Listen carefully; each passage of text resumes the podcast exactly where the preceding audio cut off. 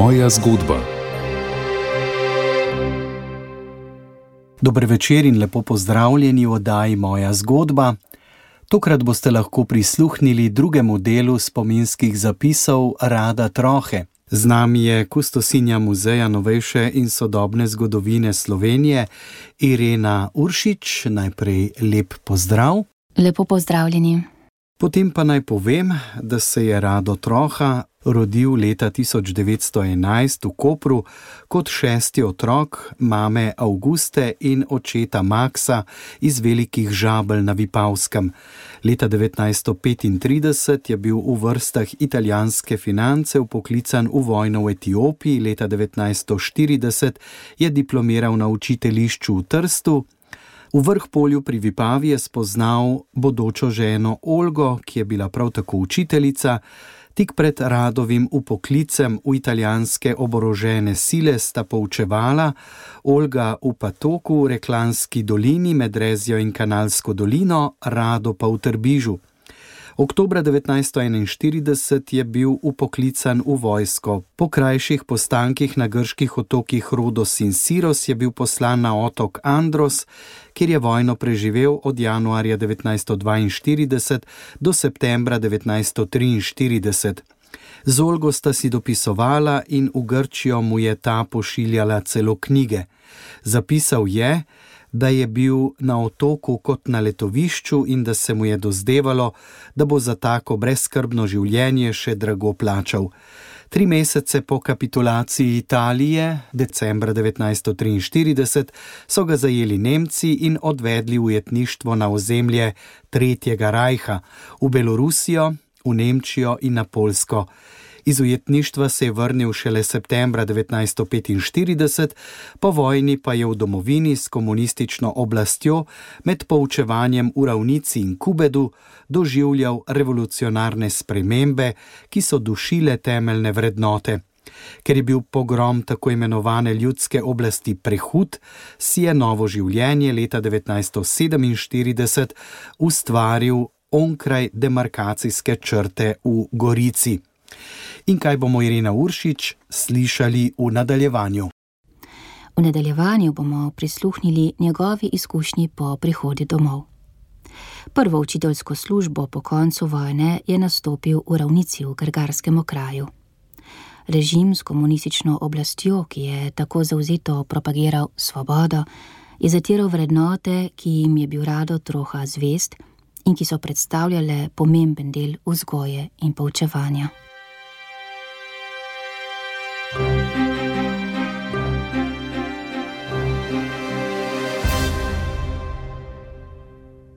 Bil sem nemški ujetnik. Predno sem bil ujet, sem se skrival tri mesece kot divja zver po gozdnih votlinah nekega grškega otoka. Bil sem v nevarnosti vsak trenutek. Slednice je zgodilo, kar sem pričakoval. Našli so me Nemci in 13-mesečno trdo, prisiljeno delo v ruskem podnebju je pustilo na meni znatne sledove trpljenja. Ko sem stopil zopet na domača tla, nisem slutil, v kako ljud in besneč vihar sem prispel. Bilo je jeseni leta 1945. Takrat se mi je dozdevalo vse tako lepo, blago in očarujoče, bujno in neskončno dražestno. Spominjam se še, da sem postal na mostu in presrečen zrl v bledo mesečino, ki je odsevala iz valčkov moje bistre vipave. Glasno sem ji zaklical: Svobodna si! Na to sem se sklonil k materi zemlji in jo goreče poljubil, šepetajoč: Svobodna si, mati, gruda domača. Iznenaden sem začul od nekod svarilo: Beži! Poišči si kruha drugje. Zdrznil sem se. Bedaki, podleži, izdajalci, je vrelo v meni. Sedaj, ko je moj dragi narod svoboden, naj zapustim domačo zemljo. Groza me je objela. V meni se je vse uprlo, zakipelo.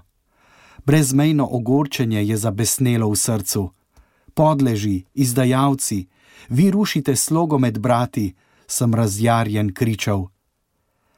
Kdor me je takrat opazoval, je mogel doznati, kako skrbno sem zasledoval dnevne dogodke, da bi vsaj nekoliko razpodil meglo, ki me je oklepala.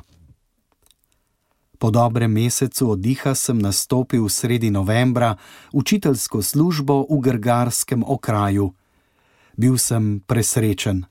Poučeval bom mladino v sladkem materinem jeziku, sem radostno ponavljal, ko sem stopil v slovensko šolo. Želel sem vzgajati učence za narodnjake, zdravega duha, ucepiti v njihova mlada srca klice ljubezni do domovine in poštenega, čednostnega življenja.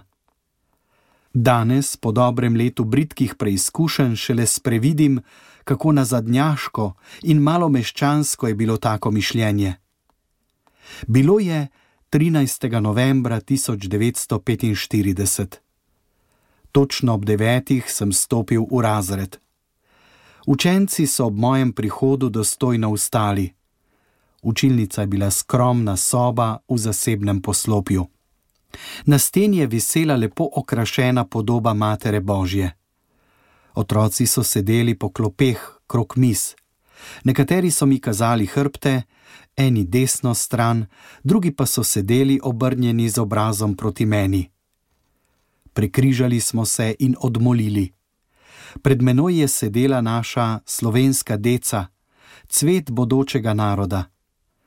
Nedolžne očke so strmele vame, polne pričakovanja vsega, kar ima priti. Bil sem ushičen ob prizoru, ki se mi je nudil. Prvič v življenju bom vendarle otrokom velel zapeti: Hej, slovenci! V ravnici se je dobro počutil, vzljubil je vaščane, ki so bili gostoljubni in spoštljivi.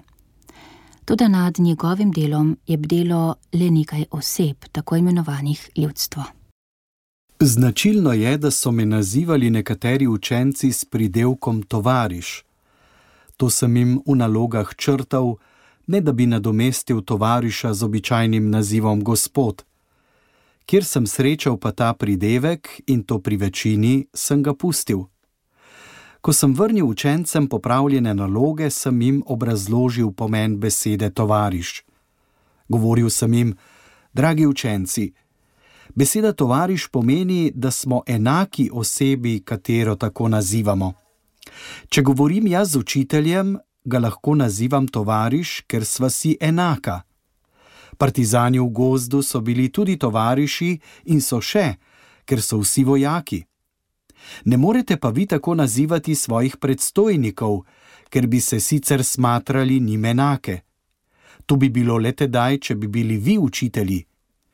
Tega vam ne govorim radi časti željnosti, marveč le zato, ker želim ohraniti naše lepe običaje, radi katerih smo Slovenci vedno sloveli za olika narod.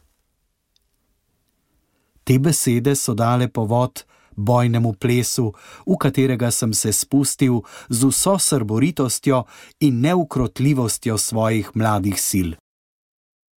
Rado troha se je moral zaradi razlage besede tovariš zagovarjati pred okrajno šolsko oblastjo, ki je prišla zasliševati priče na vasi in poizvedovati o mnenju vaščanov. Okrajni prosvetni referent mu je priporočal previdnost. Previden v kakšnih ozirih, radi česa? Morda radi razlage o tovarištvu sem poizvedoval. Moram priznati, je omenil, da je 95 odstotkov vaščanov tebi naklonjenih vsekakor moraš upoštevati novo stališče, ki ga zauzema danes ljudski učitelj in novi duh, s katerim naj bodo prežeti učenci, da bodo zares razumeli in uživali svobodo. Novi duh, ljudski učitelj, svoboda, sem mrmral in občutil sem, da me obdaja nekaka zastrupljena megla. Prej kot v dveh mesecih poučevanja v ravnici je rado troha prejel poziv, naj se ne mudoma zglasi v uradih šolskega nadzornika. Seznanili so ga, da je premeščen nekam v istro. Kljub prošnji, da bi ostal in podpori vaščanov, je takoj prejel premestitveni dekret. V uradu poverjeništva v Ajdoščini je bilo na zadnje vendarle sklenjeno, naj se vrne v ravnico. Življenje v šoli na vas je bilo zopet lepo. Kmalu pa me je presenetila okrožnica, v kateri je bilo med drugim zapisano tudi to: Kjer je v učilnici križ, ga pustite, kjer ga ni, ga ne obešajte in o tem ne razpravljajte. Če bi tedaj vedel, kar vem danes, bi se temu ne čudil. Takrat se mi je pa vendarle čudno zdelo tako govorjenje. Kako? Mar začenjamo boj proti križu? Začel sem zasledovati dnevno politiko. Seveda ne tako, kot so želele oblasti. Hotev sem se prepričati, kam so usmerjeni koraki Titove Jugoslavije. Teden pozneje me je posetil šolski nadzornik. Prisostvoval je pouku in pregledal uradne zapiske. Ob odhodu me je povabil na hodnik. Vrnil si se na tukajšnjo šolo, mi je tovariško govoril, in če želiš nemoteno nadaljevati s svojim delom, se ravnaj po mojem nasvetu. Ne vmešavaj se v politiko, da ne bo imelo ljudstvo preveč opravka. Za ljudstvo je imel tri tovarišice na vasi, ki poročajo o vsem in o vsakem, kaj govori, kako se obnaša, kot hodi in kaj dela. Februarja 1946 je Rado Troha na študijskem krožku oziroma konferenci učiteljev bližnjih šol predlagal, da vsak napiše referat z naslovom Primorska in njena borba za priključitev k Jugoslaviji. Na drugem krožku je bil na zahtevo učiteljev, a ne predsednice krožka, prebran tudi njegov referat. Moteči so bili njegovi pogledi, ki jih je podrobneje obrazložil sledečimi besedami. Dva mogočna tabora si stojita nasproti in se mrko motrita. Oba sta sestavljena iz slovencev. Prvi obstoja iz preprostega, poštenega ljudstva, ki si želi miru, oddiha in prave demokracije.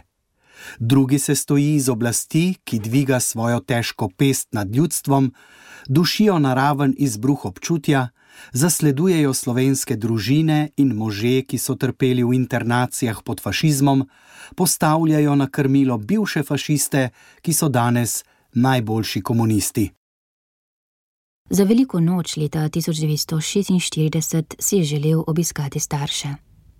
Tik pred odhodom je iz nadzorništva prejel odredbo, da mora kot edini učitelj ostati na šoli in da nima počitnic.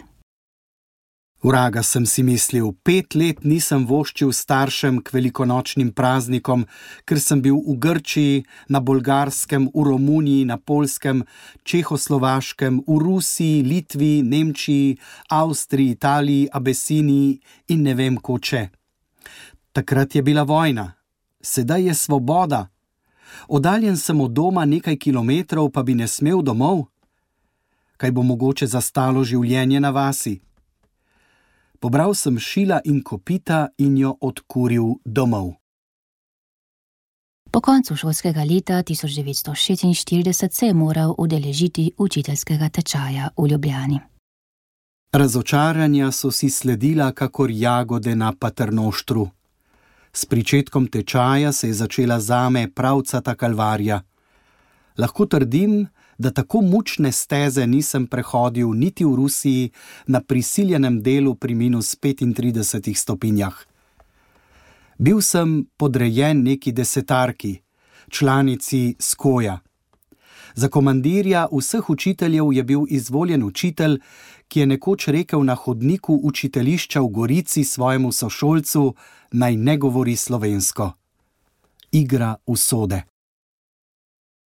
Sovražil je ta tečaj, želel si je biti med domačimi. V krogu domačih bi se vsak od nas z veseljem poglobil v učenje. Istočasno bi si okrepil živce in se svež vrnil na delo. Seveda bi na naših domovih nihče od nas ne imel političnih ur, ki so bile v Ljubljani glavni cilj: vzgoja in preustroj človeka. Predavatelji so stremeli za tem, da se razpršimo po vaseh, dograjeni, da ponesemo med naše zdravo primorsko ljudstvo nova načela, nove nazore, novo progresivno ideologijo, da zatremo in pokopljemo, kar je starega in malomeščanskega kvasa, tudi lepe šege in običaje. Vse to naj zrušimo in gradimo na novi osnovi, na osnovi principov komunistične partije, da zatremo in pobijemo vero v Boga. Ta naloga nam je bila dana. Spominjal se je, kako je predavatelj primerjal Simona Gregorčiča in Karla Marksa, kako naj otrokom učitelji ne omenjajo svetega Miklauža in trditve, da je bila vera vedno opi za človeštvo. Sprevidel sem, da mi res ne bo mogoče vzdržati, če se ne bom pokoril njihovim ukazom. Edina tolažba mi je bilo dejstvo, da se je učiteljstvo, izuzemši zagrizenih oportunistov, zgražalo nad načeli in navodili, ki smo jih prejeli. Med učiteljskim kadrom veje še zdrav duh. Nažalost pa moram priznati, da se v mlade učne moči, usled neutrudljivega pritiska oblasti, urinja ona zastrupljenost, ki ima namen preuzgojiti posebno deco in odraslo mladino v brezobzirne brezbožnike. Semper aliquid heret. Pevovodja je nekoč omenil vodja tečaja, ni pevovodja, če se ne posluži prilike, da pevcem omeni o stremljenju progresivnih ljudskih množic pod vodstvom komunističnih ideologij. Ob teh besedah sem začutil, da sem velik državni grešnik, ker še nisem pri nobeni pevski vaji govoril o tem naprednem gibanju. Kako ostudno in ogabno je tako početje. Mi drvimo v neizogibno propast, sem omenjal zanesljivim osebam.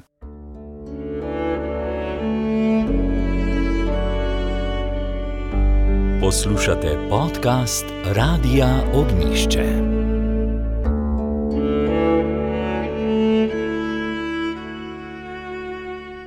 Augusta 1946 se je moral udeležiti okrajne učiteljske konference v Grgarju.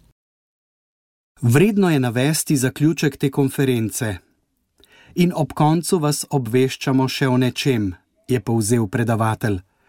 Sklenjeno je, da se s pričetkom tega šolskega leta ne bo več molilo pred poukom in po pouku. Razpršili smo se po vaseh, oznanjati otrokom in slovenskemu ljudstvu nove nauke novega Boga, komunista. 17. septembra 1946 je bil premeščen v Kubet v Koperskem okraju. Kakor so mi potem učenci sami poročali, so delali pred mojim prihodom takole. Ob začetku pouka so vstali, komandir čete, izbran iz njih srede, je zaklical: Pionirji zdravo! Na kar je odgovoril učitelj: Zdravo!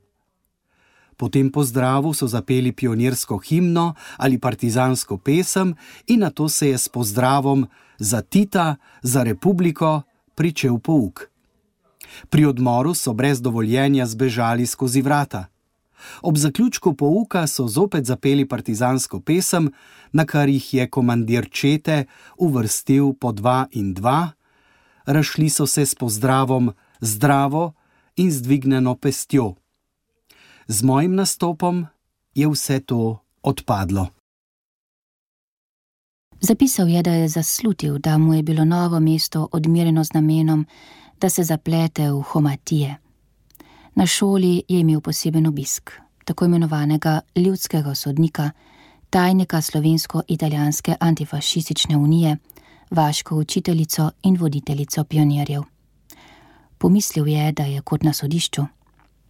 V pričo učencev so ga zasliševali, ali res zahteva, da ga kličejo gospod na mesto tovariš, ali res nikdar ne dvigne pesti med usklikom za Tita za republiko.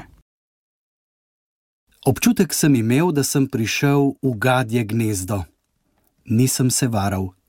Treba je bilo železne volje, da sem se lahko uspešno postavljal po robu podlemu obrekovanju. Misel, zelo mučna misel mi je težila dušo kako naj si razlagam krivo pričanje nedolžnih otrok? Je zmožen deset ali trinajst leten otrok krivega pričanja in to proti svojemu učitelju? Kako nedoumljiva razlika je bila med temi otroki in lanskimi? Kako nečastno se mi je zdelo, da si nisem znal pridobiti ljubezni otrok, ki sem jih vendar tako zelo ljubil. In ker sem jih ljubil, sem moral z njimi strogo postopati. Imel sem proti sebi vso oblast. Nobenega orožja nisem imel v rokah, ki bi z njim mogel braniti svoje pravice in svojo čast, če tudi je bila pravica na moji strani. Življenje je postajalo od dne do dne neznosnejše. Rad bi delal, kaj lepega zasnoval, učil. Rad bi videl našo deco enotno, strnjeno in prostodušno usmerjeno k zdravemu napredku. Pognal sem se v boj in ustrajal. Zagovarjal sem se, robantil in dajal poguma omahujočim. Sprevidel sem pa, da bo moj trud za ston, radi neodločnosti in strahopetnosti onih, ki bi se z njihovo pomočjo dalo mnogo popraviti, mnogo preprečiti. Učiteljstvo je klonilo glave. Vsak se je skušal obdržati na svojem mestu, da si zagotovi potrebni kruh. Če sem šel v vaške hiše, me je plašila misel, da bodo tudi družine, ki sem jih obiskal, veljale za reakcionarne. Niti najboljših prijateljev nisem mogel obiskati zaporedoma, ker bi jim lahko škodoval s svojimi obiski. Še tako so se oblasti izrazile, da sem si na vasi pridobil že mnogo prijateljev. Vedeli so za vsak moj korak. Vedeli so, koliko krat sem bil v tej ali oni hiši, koliko krat sem bil v Kopru, Trstu, Gorici, doma, skratka vse. Mislite, da vpliva tako postopanje blagodejno na človeka? Mislite, da je prijetno skrivaj se sestajati s somišljeniki? Tako mučnega stanja ne privoščim nikomur in rad bi vprašal čitatelje, če bi bili zmožni v takem stanju vestno vršiti svoj posel z grenkobo v srcu k počitku, z isto grenkobo k delu in naporu. 23. januarja 1947 se je rado troha moral javiti v pisarni prosvetnega odseka pri pokrajinskem narodno-sobdilnem odboru v Ajdoščini zaradi zaslišanja. Radi zasliševanja? Zopet se zbirajo črni oblaki nad mojo glavo. To bo grmelo, sem si mislil in ponovil Gregorčičeva verza: A jaz se na robu ne ganem, viharju kljubujem, ostanem. Taništvo Slovensko-italijanske antifašistične unije v Kubedu je podalo prijavo zoper učitelja Rada Troho, ki jo hranijo v pokrajinskem arhivu v Kopru. Ohranjeno je tudi poročilo z naslovom Podatki o učiteljstvu, pri katerem je rado troha izpostavljen kot učitelj, ki nima pravega odnosa do ljudske oblasti. Poverjenik mu je dejal: Kaj si mislil, ko si se vrnil iz ujetništva? Morda, da boš našel odpravljen fašizem, a vse ostalo v starih oblačilih? Očital mu je smešanje postave na temeljih ljudske oblasti rovarjanja proti vsem pridobitvam štiriletne borbe, ker je podal pripombe na okrožnico poverjeništva pokrajinskega narodno-sodilnega odbora. Bil je disciplinsko premeščen. V mojem srcu so se porajali razni občutki. Vihravo so kljubovali drug drugemu. Pripravljal sem se na usoden korak, begunstvo. Od ene strani me je vlekla ljubezen k staršem, bratom, sestram in domači grudi, od druge strani me je silila nevarnost, naj bežim.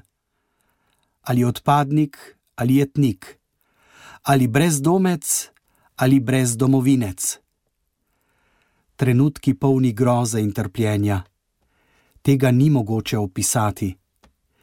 To se more le doživeti prelestna cvetoča vipavska polja in zeleni travniki.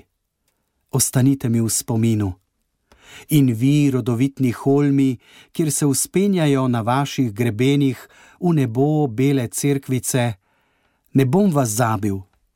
Nikdar ne zatemni v mojem srcu slika mojega domačega kraja. Rad bi še postal na bregu moje valujoče vipave tam pod očetovo hišo. Rad bi se še zazrl v šepetajoče valčke vodne gladine in poslušal prerogbo o moji ljubljeni domovini.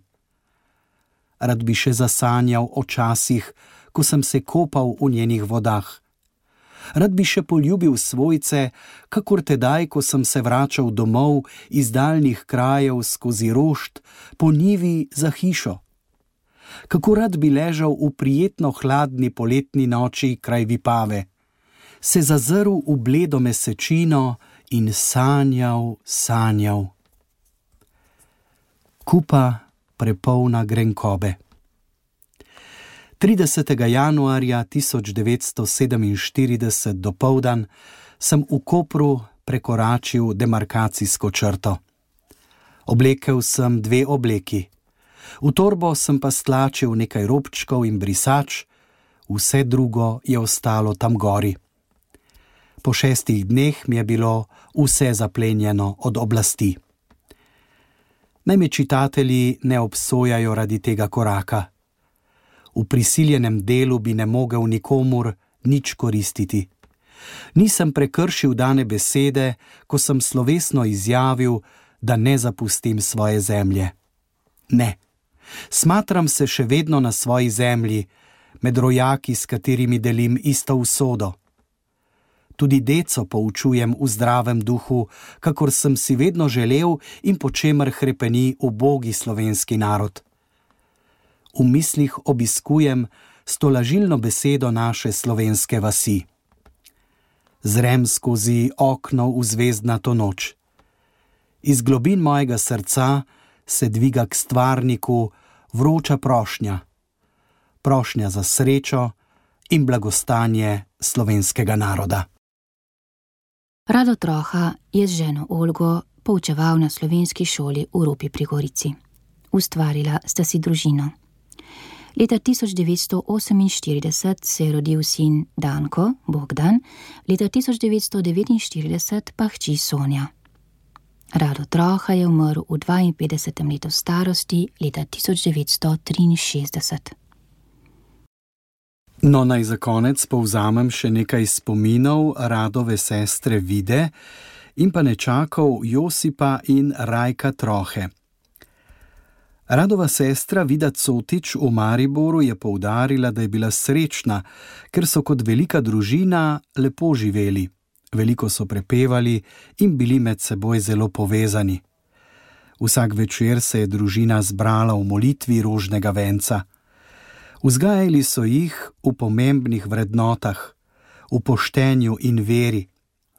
Vida je poudarila, da vere niso dojemali kot prisilo, ampak kot dar. O bratu, ki ga je imenovala Radko, je dejala, da je bil kavalir, eleganten, zaveden slovenec in da je tudi doma govoril v pravilni slovenščini. Spominjala se ga je kot trdnega v vrednotah. No, radova ne čaka, Josip Troha iz Lokavca pri Ajdovščini in Rajko Troha iz Velikih Žabel, pa sta se ga v pogovoru spominjala kot veseljaka, športnika, glasbenika, ki je pel, igral na klavir, violino in kitaro, pel je med tem, ko so sestre igrale na mandoline. Med okupavanjem trd si je med oddihom napravil klaviaturo iz palčk in gonil prste po njej.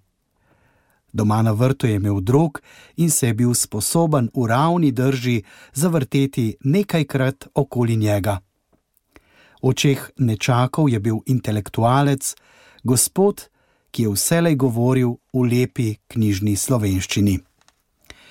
In prav je, da se za konec eh, zahvalimo tudi za posredovanje spominov Rada Trohe. Irina. Nečaku Josipu Trohi se najlepše zahvaljujem za posredovanje spominov Rada Trohe, kajti brez prijaznega posredovanja teh spominov oddaje ne bi bilo.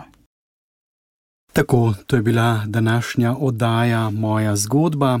Slišali ste drugi del spominskih zapisov Rada Trohe, ki se je rodil leta 1911 v Kopru kot šesti otrok mame Auguste in očeta Maksa iz velikih žabel na Vipavskem. V prejšnji oddaji, prejšnjo nedeljo, ste lahko prisluhnili prvemu delu izbranih izsekov iz spominskih zapisov o ujetništvu, saj je namreč Rado Troha tri mesece po kapitulaciji Italije, decembra 1943, z grškega otoka, kjer so ga zajeli Nemci, odšel v ujetništvo na ozemlje Tretjega rajha. In sicer je bil v Belorusiji, v Nemčiji in na Polskem. Spominske zapiske o tem ste slišali torej v prejšnji oddaji. No, danes pa ste lahko prisluhnili, kako je Rado Troha prišel nazaj v domovino septembra leta 1945 in kako je začel z učiteljskim poučevanjem v Ravnici in Kubedu in kako je doživljal revolucionarne spremembe, ki so dušile temeljne vrednote. Leta 1947 si je ustvaril novo življenje onkraj demarkacijske črte v Gorici. Njegovi spominski zapisi so nastali poleti 1947 v Gorici. Današnjo oddajo je pripravila kustosinja Muzeja novejše in sodobne zgodovine Irena Uršič. Hvala lepa za to. Vsem poslušalkam in poslušalcem pa želim lep in prijeten nedeljski večer še naprej in naj povem, da se spet slišimo v letu 2024, namreč prihodnja nedelja je že sveti večer 24. decembra in nedelja zatem silvestrski večer 31. decembra. Za oba večera pripravljamo seveda drugačen program, zato boste takrat oddaji moja zgodba odpadli se pa v letu 2024 spet slišimo v istem nedeljskem terminu ob 20. uri. Hvala lepa za poslušanje, upam, da si bomo sledili tudi v prihodnjem letu. Lahko noč. Nasvidenje.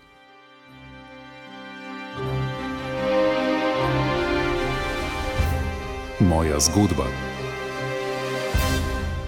Hvala za poslušanje. Podprite brezplačen dostop do naših vsebin in postanite prijatelj Radia Ognišče.